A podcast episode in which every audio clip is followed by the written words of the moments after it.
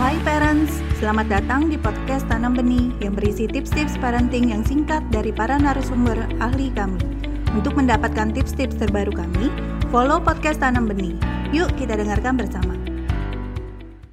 Perkembangan pubertas ini memang bisa saja uh, macam-macam. Ciri awal dari remaja perempuan saat mengalami pubertas adalah adanya pertumbuhan payudara pertumbuhan rambut pada lengan dan kaki, juga di area organ seksual, dan ketiak. Karena memang asal kata pubertas itu kan pubik, jadi memang uh, ini bicara mengenai uh, rambut pada area organ seksual. Jadi tidak heran kalau kemudian ada pertumbuhan di sana. Selanjutnya akan terjadi menarche atau menstruasi pertama yang terjadi itu setelah sekitar 1 sampai 2 tahun setelah pertumbuhan payudara ya. Dan kemudian mulai terjadi keputihan, mulai tumbuh jerawat pada wajah. Anak perempuan ini juga lebih mudah berkeringat, pinggulnya membesar, pinggangnya mengecil, ada peningkatan berat badan serta tinggi badan juga meningkat drastis.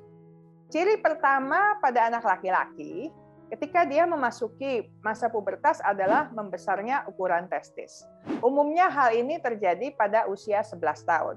Setelah itu diikuti dengan membesarnya ukuran penis, juga tumbuhnya rambut pada area organ seksual dan ketiak. Selanjutnya skrotum pada anak laki-laki atau buah zakarnya menjadi semakin gelap, produksi keringat bertambah dan mulai tumbuh jerawat pada wajah maupun pada tubuhnya, Tumbuh juga rambut pada wajah, terbentuknya otot-otot wajah.